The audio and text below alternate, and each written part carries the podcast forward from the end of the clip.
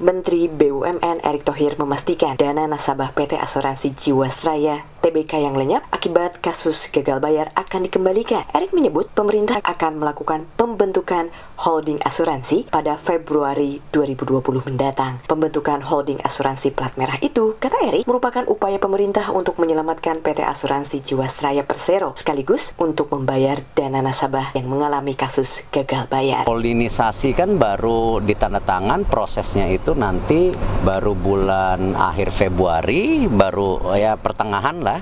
Dari situ baru bisa terlaksana kan memang kita harus mengikuti step-step daripada pembentukan holding itu sendiri. Lanjutnya, dengan pembentukan holding asuransi ini, maka akan terhimpun dana sekitar satu setengah hingga 2 triliun rupiah.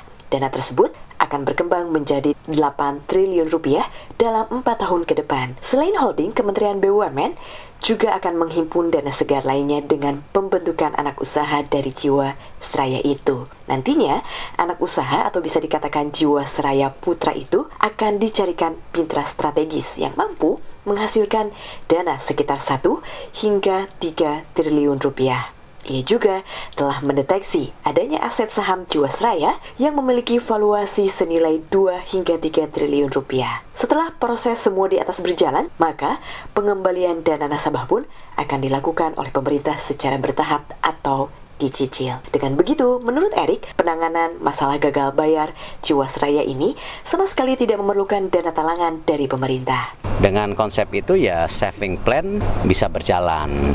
Yang lainnya tentu yang namanya polis juga itu menjadi bagian dari solusi juga yang akan kita lakukan tentu dengan restrukturisasi yang mungkin tadinya bunganya tinggi menjadi bunga yang yang real ya, yang bunga beneran. Nah, kalau itu bunga beneran ya kan cash flow-nya akan terjamin. Kalau rencana pengembalian dana nasabah itu kan udah dengan dana terkumpul itu akan dikembalikan bertahap. Sementara itu tidak seperti PT Asuransi Jiwasraya Persero. Menteri BUMN Erick Thohir memastikan keuangan PT Asabri Persero tidak terganggu walaupun ada kasus dugaan korupsi senilai 10 triliun rupiah. Hal ini dikarenakan aset yang dimiliki masih dalam kondisi yang bagus. Enggak, likuiditas dijamin Asabri aman. Enggak, bukan karena cash flow-nya sebenarnya asetnya semua masih bagus. Berbeda dengan Jiwasraya yang sangat sudah mengalami kerugian. Ya, gitu.